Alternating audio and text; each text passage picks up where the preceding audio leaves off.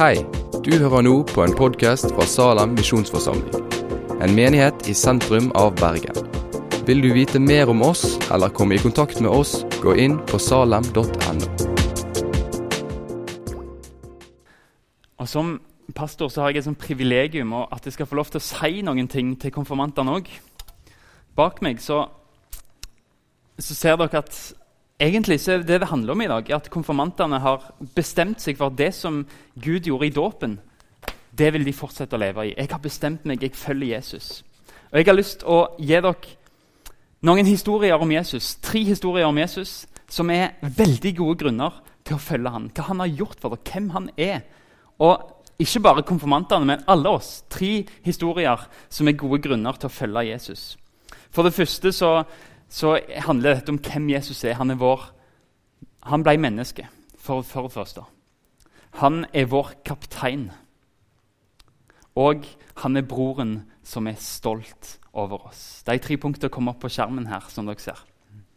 Og Vi skal se på disse sannhetene litt hver for seg. Hvis vi får neste, neste bilde, Asbjørn. Eh, enda et. Der, ja. I Johannes har skrevet ordene som, som, som forteller om hva som skjedde i jula. Ordet Jesus ble menneske og tok bolig blant oss. Ordet Johannes bruker, er fullada med informasjon. Han skriver egentlig at Jesus slo opp teltet sitt her, hos oss.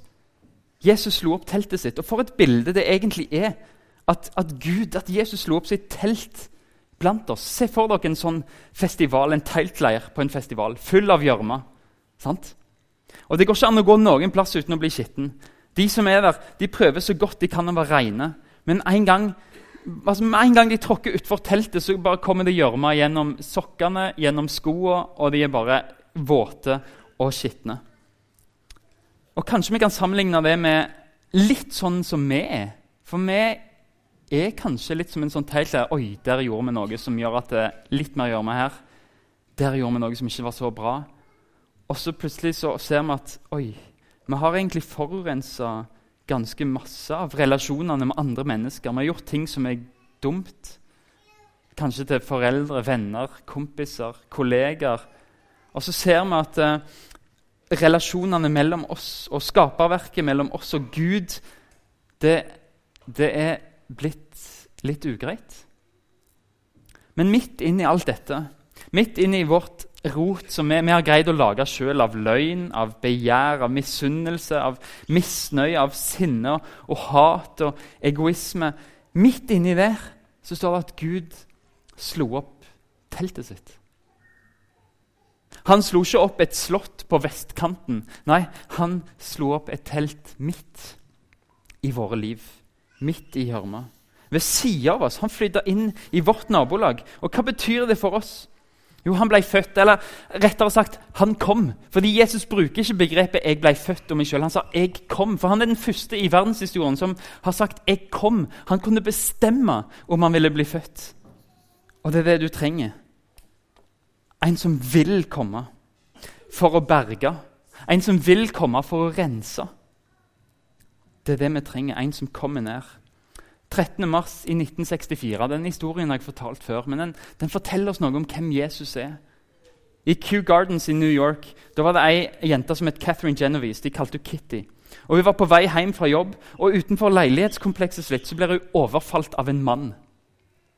Ingen vet helt sikkert hva som skjedde, men, men New York Times skrev en artikkel om angrepet der de skriver at hun jenta hun ble knivstukket. Og det står at hun ropte om hjelp. Hun ropte Gud, han knivstikker meg. Og så sa hun på engelsk 'save me'.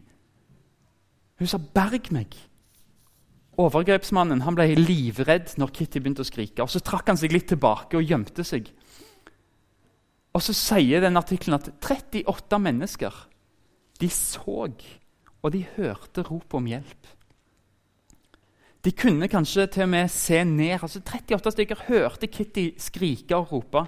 Og De kunne kanskje se ned fra vinduet. Noen åpna vinduene og kikka ned.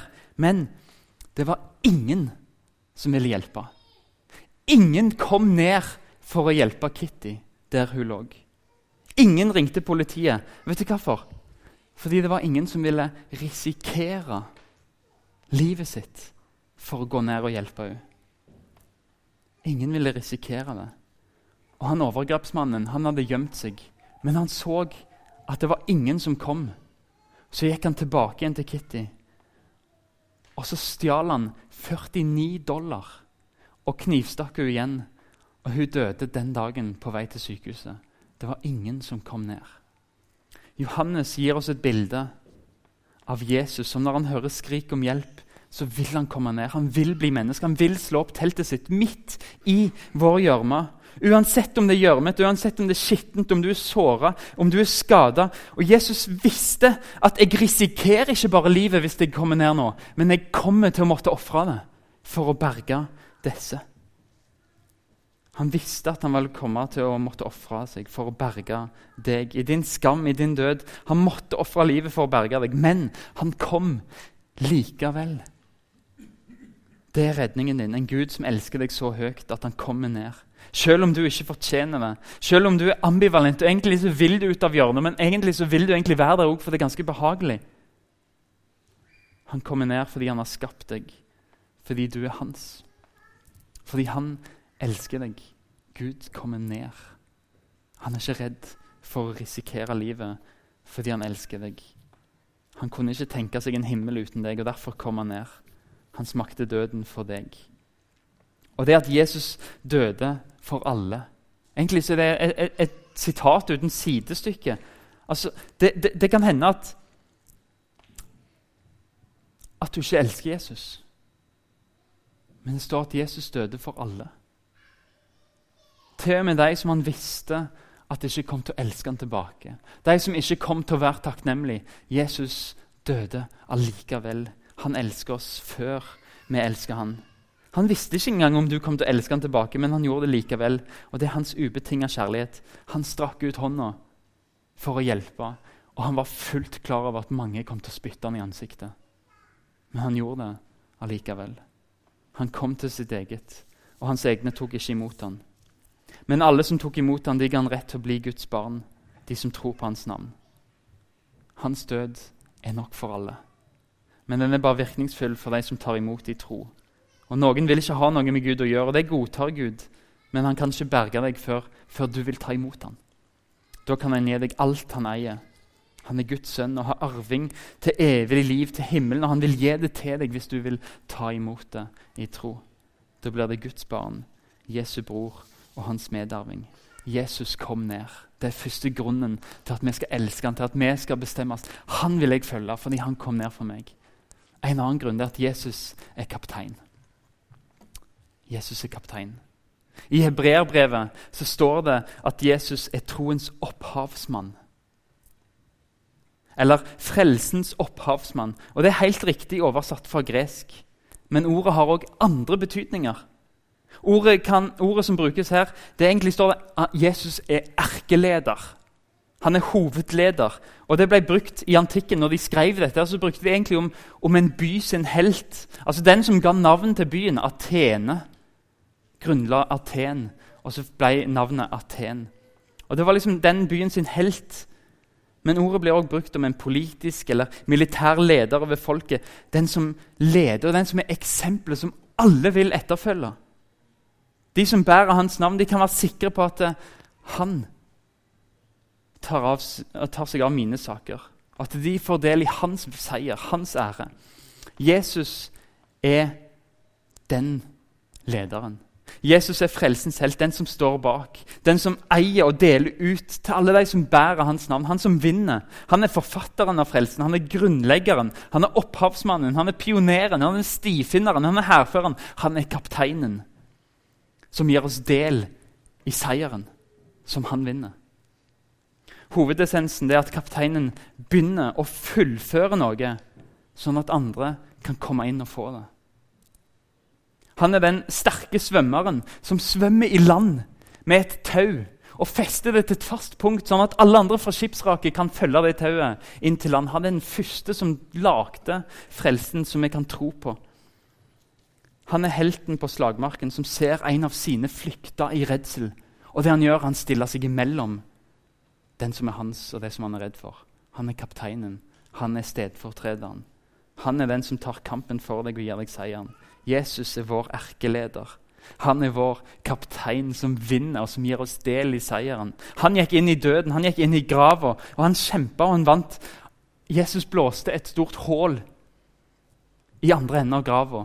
Gjennom døden til det evige liv. Han åpna ei dør bak døden inn til det evige liv. Han ga oss oppstandelsen, og han vil gi den til oss. Han er helten som går først, og som vinner og vil dele krigsbyttet med de som kommer bak. Jesus er deres kaptein.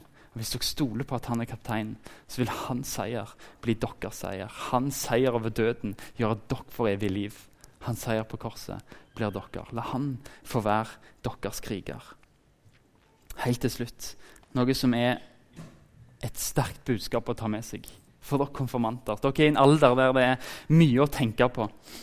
I Hebreerbrevet står det Han som helliggjør, og de som blir helliggjort, kommer alle fra den ene. Derfor skammer ikke Sønnen over å kalle dem søsken. Det er Gud, Jesus, han er den broren som er stolt over dere. Han er broren som er stolt av oss. Vi er i vestlig kultur. Vi har ikke forståelse for hvor viktig familien er i Bibelens tid. Vi er egentlig individualister. Vi vil klare oss sjøl. Vi finner identitet i det vi gjør, og det vi ikke gjør. Men men sånn er samfunnet. Og det gjør at Når vi skal, når vi skal promotere oss sjøl, når dere skal søke på en jobb en gang, så kommer dere til å skrive en CV der dere skriver dette har jeg gjort, dette kurset har jeg, jeg har denne utdannelsen, jeg har denne arbeidserfaringen, jeg har gjort sånn, jeg har gjort sånn, jeg har gjort sånn, jeg er flink på dette. Og Du promoterer deg sjøl og dine prestasjoner, hva du har studert, hva du har oppnådd. Og så sier du vær så god, dette er meg, kan du gå god for meg, kan du ansette meg? Men i Jesus' sin kultur, når de skrev Bibelen, det de gjorde da, det var ikke skrive hva de hadde gjort, men de skrev Hvem er det jeg kommer fra? Hvem er min far? Hvem er min bestefar?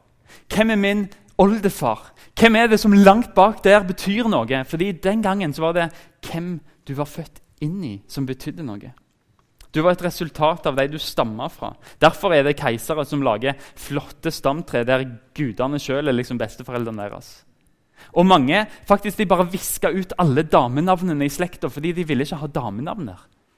Hun sa jeg er bare kommer fra en slekt med bare menn. Da hadde jeg klødd meg litt i hodet hvis jeg an, skulle ansette noen. Men, men, det var sånn de gjorde. Og Hvis det var noen som hadde gjort noe fryktelig dumt, en onkel som var litt rar og skrullete, så det de gjorde, var bare stryke han ut. Og så sa de se her, jeg har bare flotte folk på min CV. Vet du hva? Vi har Jesus sitt slektstre i Matteus 1. Og Det forteller oss hvem er det Jesus er stolt over å være. Fordi i det slektstreet så for det første lar Jesus være kvinner en del av det. Det var uhørt på den tida. Kvinner en del av slektstreet. Men det er ikke hvem som helst. Fordi de kvinnene, det er Tamar. Hun er et offer for incest. Det er Rahab. Hun er prostituert. Det er Ruth. Hun var enke. Og det er Batseba. Hun var utro mot mannen sin. Og det er Maria, som er en enslig tenåringsmor. Jesus, universets konge, han skjemmes ikke over disse. Han er stolt over dem, og så viser han sitt slektstre, sin CV. Se her. Det er den jeg er. Jesus skjemmes ikke over dere heller. Aldri skjemmes han over dere. Det gjør ikke noe hva du har gjort. Gjennom Jesus så er han alltid stolt av dere. Han synger over at du og hans bror, hans søster Og hva andre sier om deg, det er totalt irrelevant for Jesus, fordi han elsker dere. Han er så stolt over at dere er hans. Han som har skapt deg han som har frelst deg. Han vil ha en relasjon av deg. Universets konge. Han er din bror, og han er stolt av deg. Du, du som tar imot han i tro. Når du står for dommen en dag, og alt du har gjort, vil anklage deg ah, men 'Jeg var ikke så god, jeg var ikke så flink, jeg, ikke, jeg gjorde ikke alt jeg burde.' 'Jeg har dårlig samvittighet for det, jeg har dårlig samvittighet for det.' Men det, det Jesus kommer til å si om de tingene der, Jesus kommer til å si han er min bror. Det er min søster. Ikke prøv å fordømme dem fordi jeg er stolt over dem. De skal være med meg.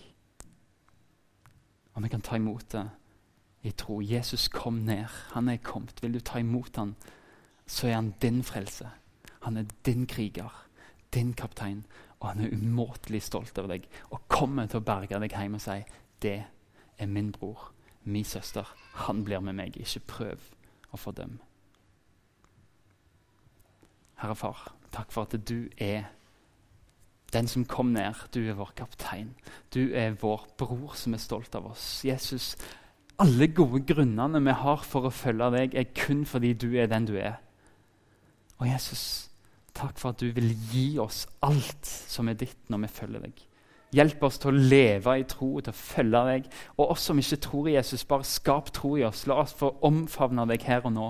Gjør oss varme om hjertet, Jesus. Bare kjenn at du er den vi trenger for å komme gjennom døden, inn i evig liv, gjennom all fordømmelse og inn til at du er stolt over oss og gir oss evig liv, Jesus. I ditt navn. Amen.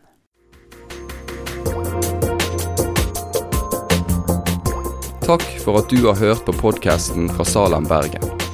I Salem vil vi vokse i et stadig dypere fellesskap med Gud og med hverandre. Vi vil være Jesu hender og føtter, og vi vil være med og forkynne frelse for Bergen og resten av verden. Besøk oss gjerne på salem.no om du vil vite mer.